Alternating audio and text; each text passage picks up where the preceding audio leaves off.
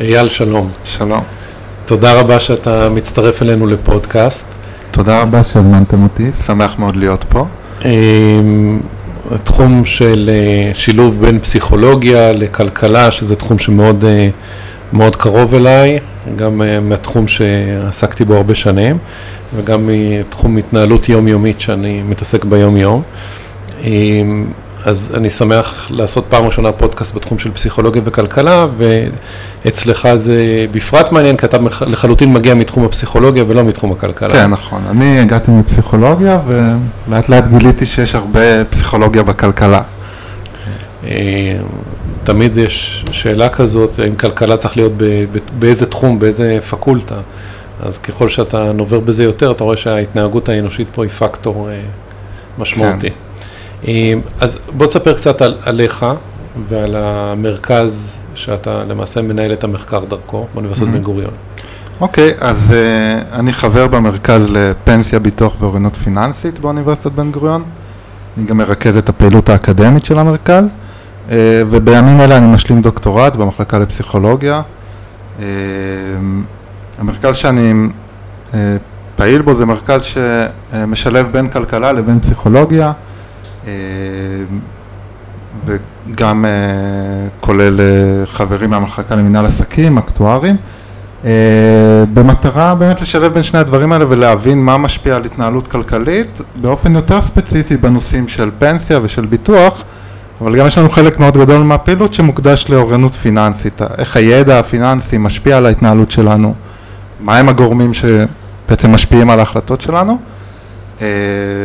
המרכז קיים ארבע שנים, אנחנו מקיימים uh, פעילות עם uh, גופים רגולטוריים כמו רשות שוק ההון, הביטוח הלאומי, uh, עמותות שפעילות בתחום של אוריינות פיננסית,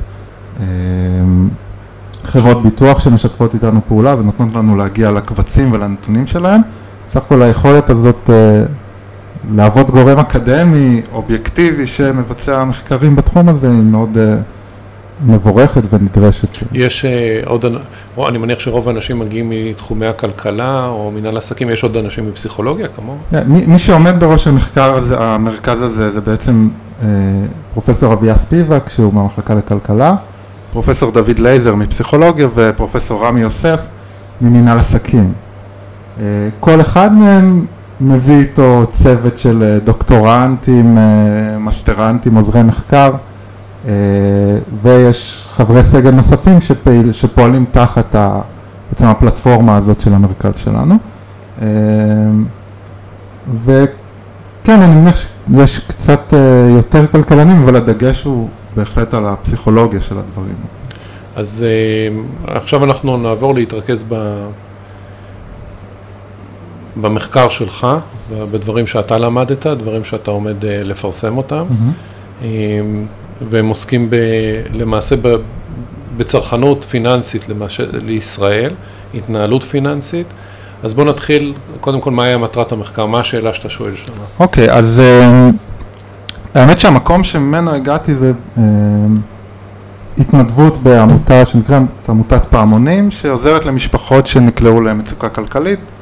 Uh, עוזרת להם לעשות סדר בהתנהלות הכלכלית שלהם, לצאת מחובות, ולפתח הרגלים בריאים יותר. וכשאני הייתי פעיל בעמותה הזאת, בלי קשר למחקר שלי, תמיד הייתה לי איזושהי שאלה עד כמה זה אפקטיבי, עד כמה אנשים באמת מצליחים להבין אה, וליישם את המידע שהם מקבלים, אה, ומשם יצאתי לעבודת הדוקטורט, עד כמה באמת ניתן ללמד אנשים להתנהל נכון יותר כלכלית, כמה אנחנו יכולים לתת לאנשים כלים וידע שיובילו אותם להתנהלות פיננסית נבונה יותר נקרא לזה. אמ, קודם כל זה, זה ארגון גדול לפי מה שאני כן, זה ארגון מאוד גדול. אז איך הוא עובד בכמה מילים? זאת אומרת, מי, מי הטייפ של ה... תראה, הארגון מורכב מ... אה, לרוב מתנדבים שמשמשים כסוג של מנטורים, אה, קואוצ'רים, איך שלא תקרא לזה, שעובדים עם משפחות. כל אה, מתנדב או שני מתנדבים עובדים עם משפחה לתקופה של כשמונה חודשים אה, ועוזרים לה לעשות סדר בהתנהלות הפיננסית שלה.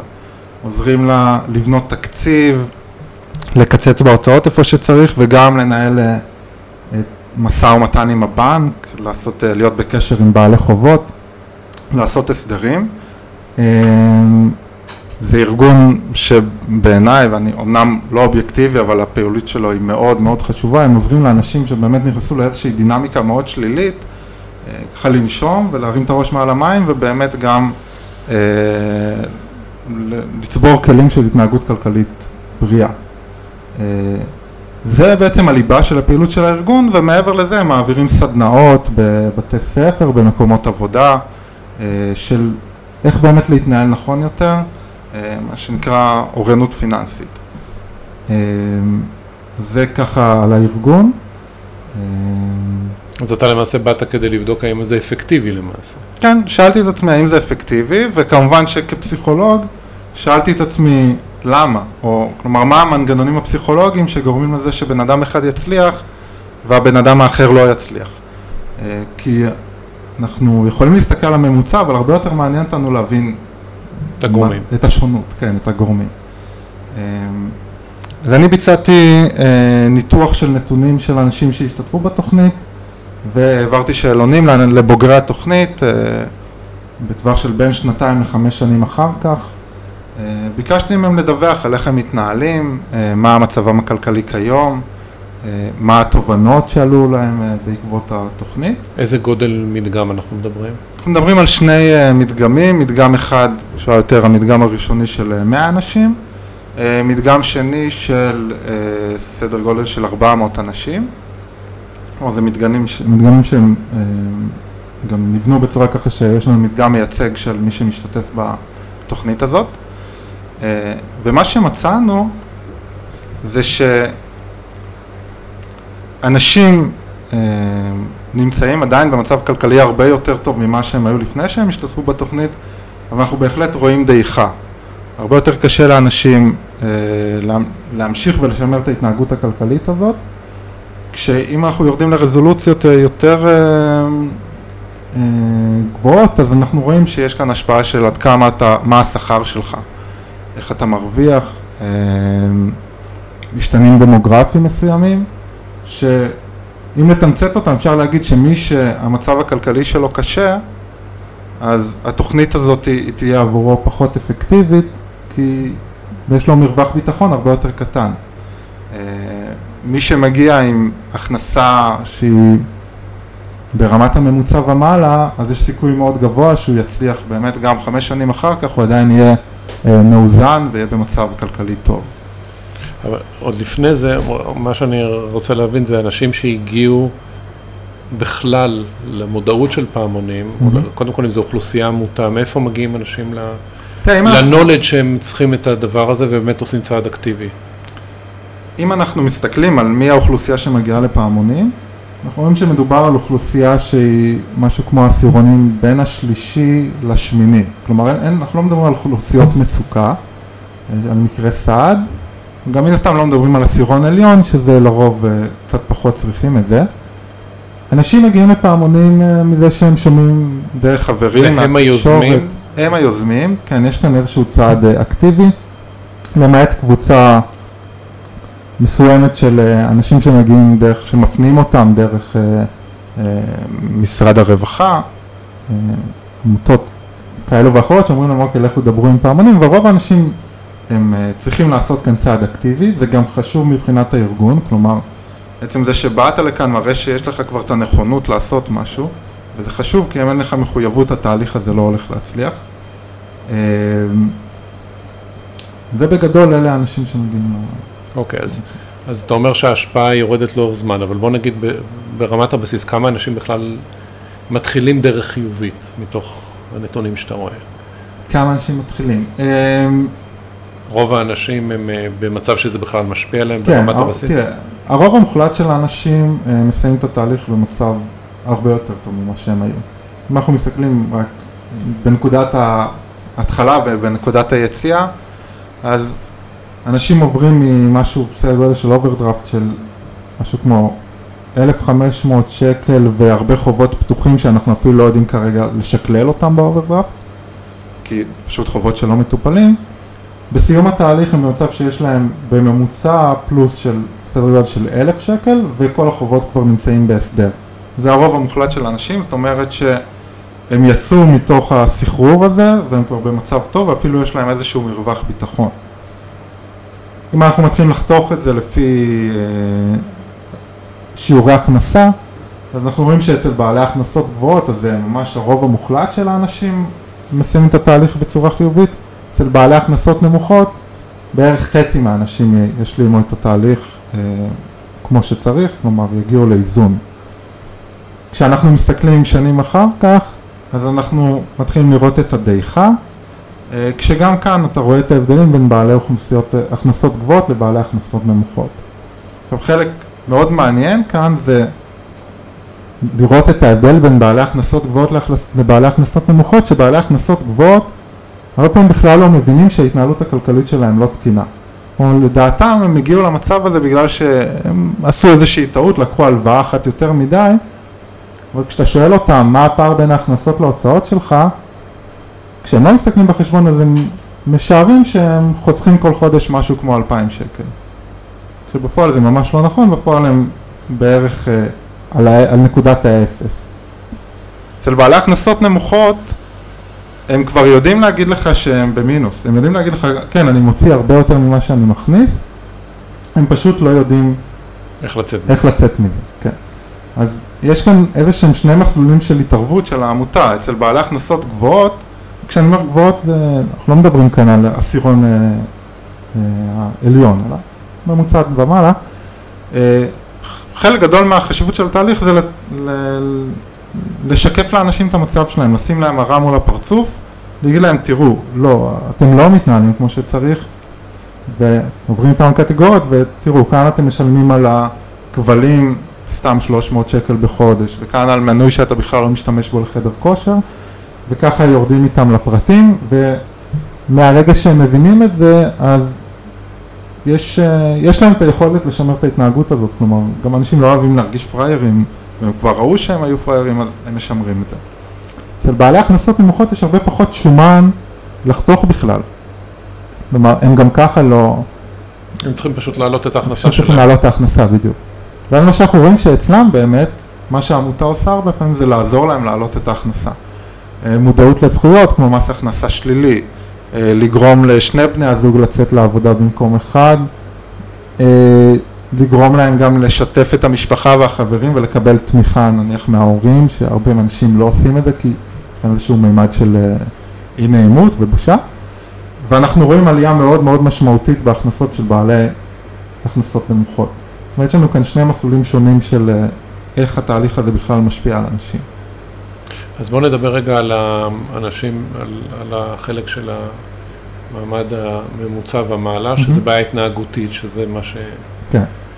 שמנסים לפתור את הבעיה ההתנהגותית. אז מה, למה יש דעיכה לאורך הזמן? זאת אומרת, אם כבר פתרו את הבעיה, אז למה הבעיה לא נפתרת פרמננטית?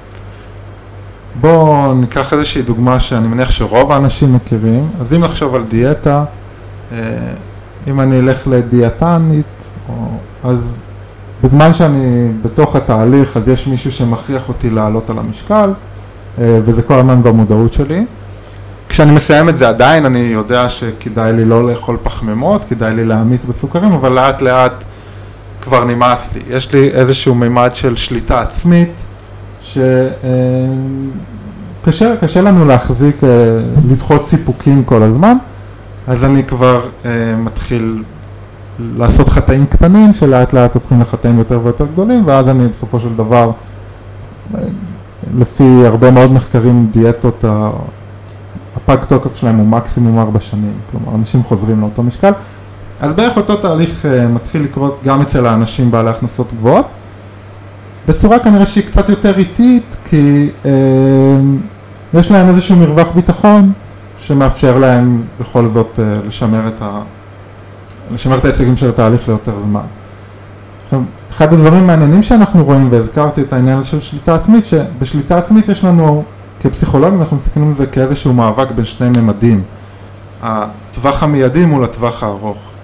אם אתה למשל מכיר את אה, ניסוי המרשמלו, אה, ניסוי מאוד מפורסם בפסיכולוגיה שבו נתנו לילדים את האפשרות לבחור בין לקבל מרשמלו אחד עכשיו או שני מרשמלו בעוד חמש דקות. מה שרואים שילדים שהצליחו להתאפק ולחכות חמש דקות, אז אחר כך בהמשך החיים הם גם יגיעו להישגים יותר גבוהים, ההכנסה שלהם יותר, יותר גבוהה, כלומר יש להם יכולת שליטה עצמית, יש להם יכולת דחיית סיפוקים. בהתנהלות כלכלית יש לנו גם כן תמיד את המתח הזה בין, טוב, אני אוציא את הכסף עכשיו, או שאני אשתמש בו אחר כך כשאני צריך אותו.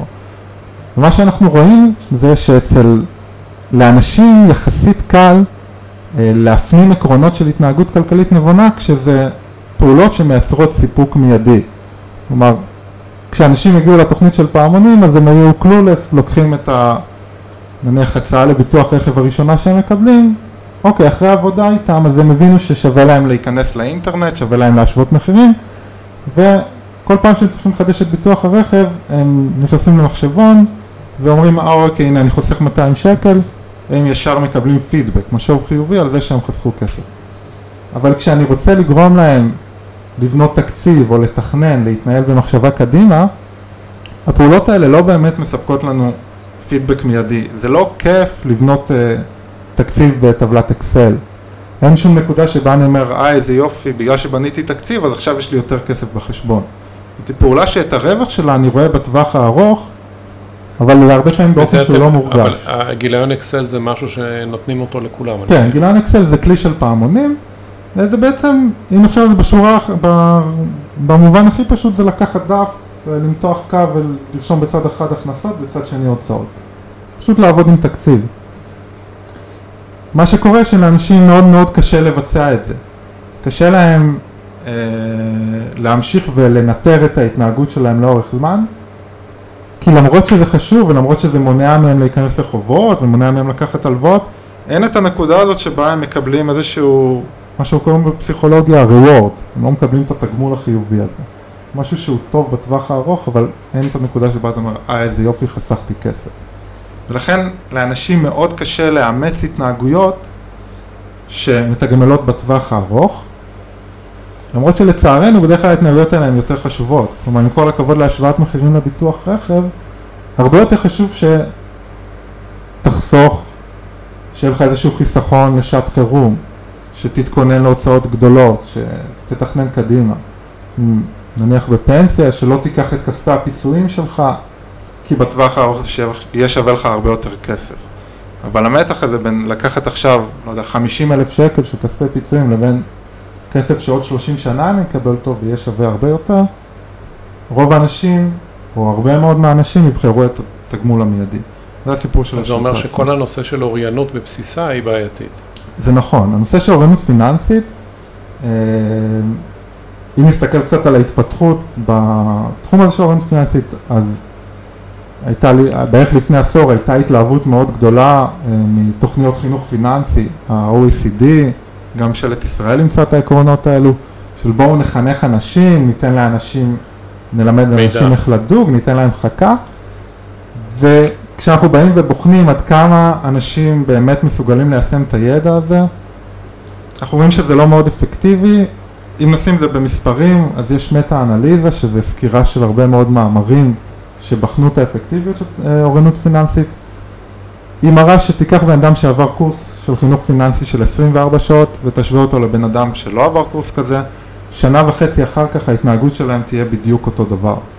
כלומר, יש כאן דעיכה יחסית מהירה של ידע. אז אני מלמד לך מה זה ריבית דריבית, או אני מלמד לך מה זה אינפלציה, אבל מה שמשפיע על ההתנהגות שלך זה בכלל השליטה העצמית, או הדחיינות, או כל ההטיות הקוגנטיביות ש... אני, אני, ממה שאני מכיר, יש הטיה, אני לא יודע כמה אנשים מגיעים לפעמונים, mm-hmm. אבל uh, יש נהירה של אנשים שהולכים ללימודי פלטפורמות מסחר במטח ובאופציות ודברים כאלה שהבסיס הוא תגמול מיידי. Okay. אוקיי. אחרי זה, מן הסתם, בסוף זה נגמר שהם מגיעים לפעמונים כקליינטים, אבל, אבל uh, התגמול מיידי מגיע ב... לפחות יש פנטזיה של תגמול כן. מיידי. יש פנטזיה, לא, לא פנטזיה מסוכנת כבר. כלומר, אחת מהבעיות שלפעמים אומרים על חינוך פיננסי, שלאנשים יש איזשהו עודף ביטחון לגבי היכולות שלהם. אז תראה, אם אתה שואל אותי, ההמלצה הכי טובה למישהו, שנניח יכול להרשות לעצמו, זה תשתמש ביועץ. אתה לא מומחה למשכנתאות, אז נכון, אתה יכול להשקיע שעות ולהבין מי נגד מי, אבל אם יש לך את היכולת לשלם ליועץ, זה כמה אלפי שקלים שבטווח הארוך יחסכו לך כמה עשרות אלפי שקלים. אבל אם אתה בא ואומר, לא, אני קראתי כמה פוסטים בפייסבוק, אז אני יודע מה אני עושה, זה לא מוכיח את עצמו. רוב הסיכויים שלא. אם- אבל אם, אם ניצמד לדפוסי התנהגות, זאת אומרת, אתה, אתה מכיר את התהליך של החונכות שעושים בפעמונים, אתה מכיר את הדעיכה, אז מה כן ניתן לעשות? זאת אוקיי, אומרת, אוריינות אמרנו לא תעזור הרבה, כן, אז מה כן יכול? מה שכן ניתן לעשות. בן זה- אדם שכן רוצה, בן אדם שרוצה להתנהל נכון יותר כלכלית. תראה, אחד מהדברים אה, שמאוד אפקטיביים בפעמונים זה שיש לך חונך. כלומר, יש לך מישהו שמלווה אותך ועוזר לך ומפחית את החרדה. זה נושא שלא הזכרנו כאן, אבל גם חלק גדול מהעניין שאנשים בכלל מפחדים מהנושא הזה של כסף, לא רוצים להסתכל בחשבון הבנק שלהם, אומרים, אני... לא רוצים ללכת לא לבנק, רוצים ללכת לבנק, יש איזה סקר כזה שמראה שאנשים מעדיפים ללכת לרופא שיניים מאשר לבנק. ו, אה, אז חלק מהעניין זה גם אם אתה אה, לא הולך להיעזר בעמותת פעמונים, זה להתגבר על הפחד הזה ולהגיד, טוב, בוא נצלול לתוך העניין הזה ולהצליח לפתח מחויבות. מה זאת אומרת לפתח מחויבות? אתה רוצה להפוך את העניין הזה של התנהלות כלכלית נכונה לאיזשהו הרגל, שפעם בחודש לפחות אתה יושב על החשבונות שלך ויודע מה המצב שלך, כי אנשים, כמו שהזכרתי כבר, אנשים בכלל לא יודעים שהם מוציאים יותר כסף ממה שהם מכניסים. עכשיו זה נשמע פשוט, סך הכל תעבור על, ה... על כרטיסי אשראי, הכל היום נמצא גם ככה ב... באינטרנט, אבל אנשים לא עושים את זה, אז קודם כל אתה צריך לייצר אצלך איזושהי מחויבות. הדבר השני שאנחנו אה, מאוד ממליצים לעשות בו שימוש זה להשתמש בכלים שיפחיתו ממך את הצורך לזכור, לחשוב, אה, להיות מודע. אז תשב על היומן שלך ותכניס לעצמך איזה שהן תזכורות. אוקיי, אה, בעוד שנה מסתיימת לי התוכנית של אה, ההנחה אה, על הסלולרי, אז זה הזמן להתעסק בזה. אה, או לקבוע, אם אתה קובע לעצמך פעם בחודש שאתה רוצה לשבת לתכנן, אז שים לעצמך תזכורת ביומן, כי אחרת אתה לא תעשה את זה. אתה כנראה שלא תזכור שבכל יום אה, שישי הרביעי בחודש אתה הולך לעשות את זה. תשתמש בתזכורות, תפחית מעצמך את הצורך באמת לחשוב על זה באופן אקטיבי, כי אחרת כשזה יגיע בדיוק יהיה לך משהו יותר דחוף לעשות. זה מה שבדרך כלל קורה לנו. אה, אנחנו רוצים לייצר איזה שהם מכשירים של מחויבות. אז מכשיר של מחויבות זה אה, יכול להיות, אם אנחנו מדברים על בני זוג, אז זה ששני בני הזוג מעורבים ועל שניהם לוקחים אחריות על העניין.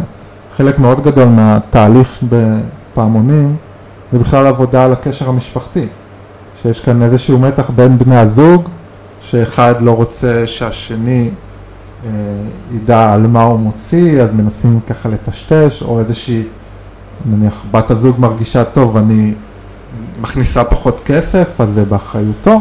כלומר, אז לא, לשים את זה על השולחן, לדבר על הדברים ולייצר מחויבות של שני בני הזוג לתוך ופה העניין. המחויבות אה, בתא המשפחתית נמשכת או היא גם דועכת? האמת שזאת שאלה מאוד מעניינת שלא בדקנו במחקר שלנו. אמ, א- אין לי תשובה, אה, יש לי תשובה אינטואיטיבית קצת מבחינת ה- התשובות שאנשים נתנו לנו. אה, אני חושב שההשפעה על, על שני בני הזוג היא בתהליך שהצליח והיה טוב, אז אה, זה גורם לזה ששני בני הזוג עדיין מחויבים גם בטווח הארוך, כי שניהם כבר קיבלו את המראה הזאת, שניהם עברו את השיקוף.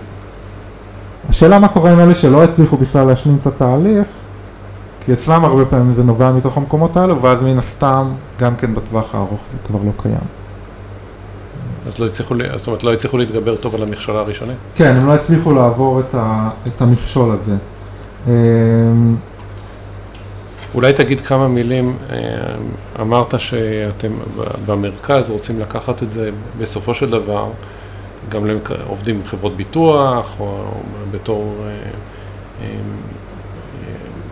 למעשה יחידה אקדמית, אתם, אני מניח שהם רוצים להגיע גם לרגולטורים מהמם. ולהגיע למקבלי החלטות. כן, אז מה אפשר לעשות? נניח שאני רגולטור או שאני מקבל החלטות אה, במשרד האוצר, מה, ואלה הנתונים שמראים לי שאוריינות לא עובדת, מה אני יכול לעשות? אם אנחנו מסתכלים, קודם כל אנחנו גם בקשר עם הרגולטורים, יש לנו מחקרים משותפים עם רשות שוק ההון. אמ, ואם אנחנו מסתכלים מה עושים היום רגולטורים ויש יותר ויותר מודעות, אז חלק מהעבודה בעיניי נכונה שמתבצעת ברשות שוק ההון זה הסיפור הזה על לפשט תוכניות, לפשט את המידע. היה לפני כמה שנים עשו אה, ממש מתיחת פנים של כל תוכניות הפנסיה, כך שהיום אתה יכול להסתכל ולהבין את זה גם אם אתה לא אקטואר, כלומר אתה מסוגל להבין מה קורה. אה, תנו לציבור את המידע ותהפכו את זה לכמה שיותר נגיש.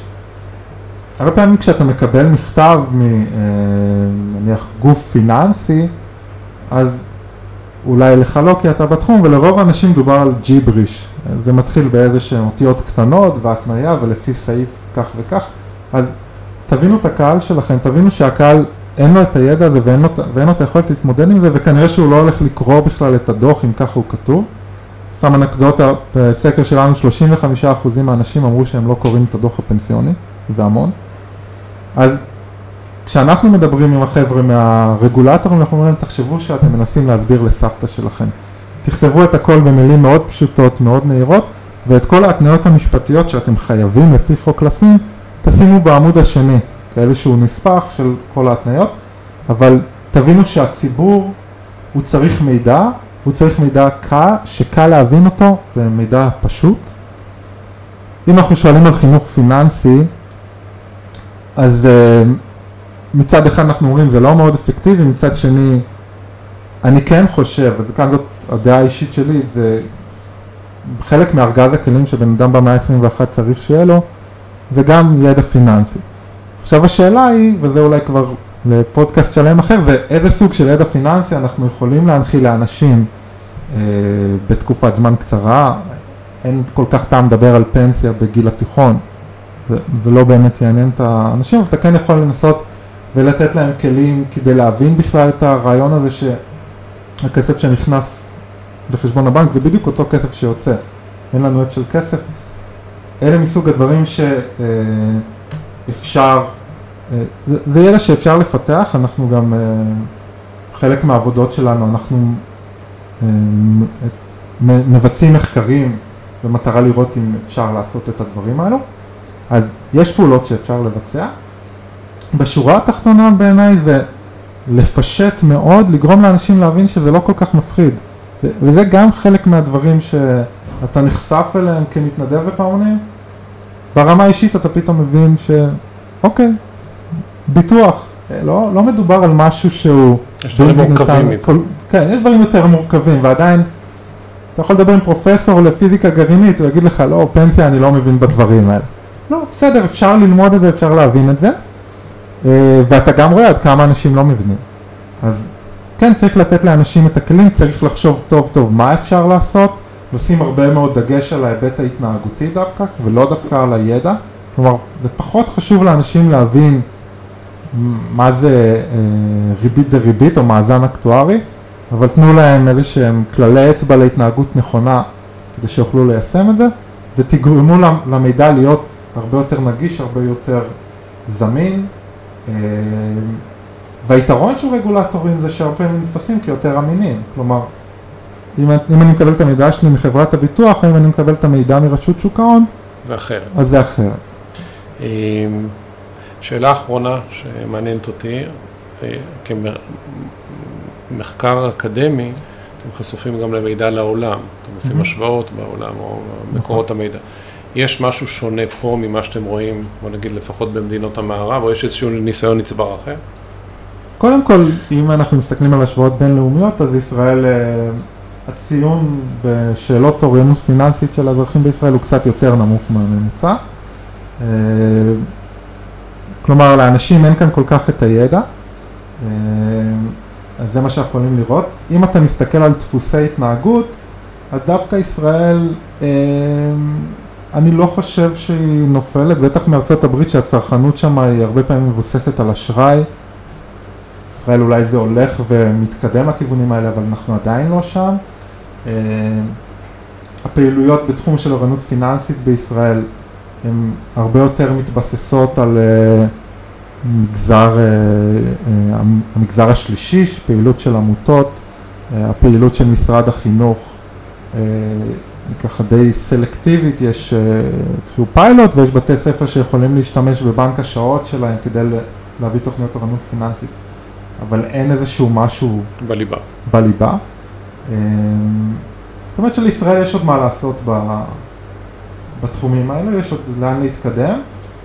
למרות שבמובן האופטימי אני חושב שמבחינת ההתנהלות הכלכלית של האנשים כאן אין איזשהו מקום להיכנס להיסטריה ולהגיד לא, אנחנו שונים מהעולם המערבי. כמו כל העולם המערבי, יש אותם תחלואות. אותם תחלואות, יש דברים חיוביים, בתחום הפנסיה המצב שלנו יותר טוב, אם כי גם לא מזהיר, אבל עדיין יותר טוב ממדינות באירופה ששם הגיל הממוצע הוא הרבה יותר מבוגר. זאת אומרת, יש מה לטפל, לא צריך להיכנס להיסטריה. אז יש לכם עוד הרבה עבודה. יש עוד עבודה, בהחלט. אז תודה רבה לך שהשתתפת, שיהיה בהצלחה בדוקטורט, ונשמח לשמוע על המחקרים הבאים. תודה רבה, תודה. תודה שהזמנתם אותי.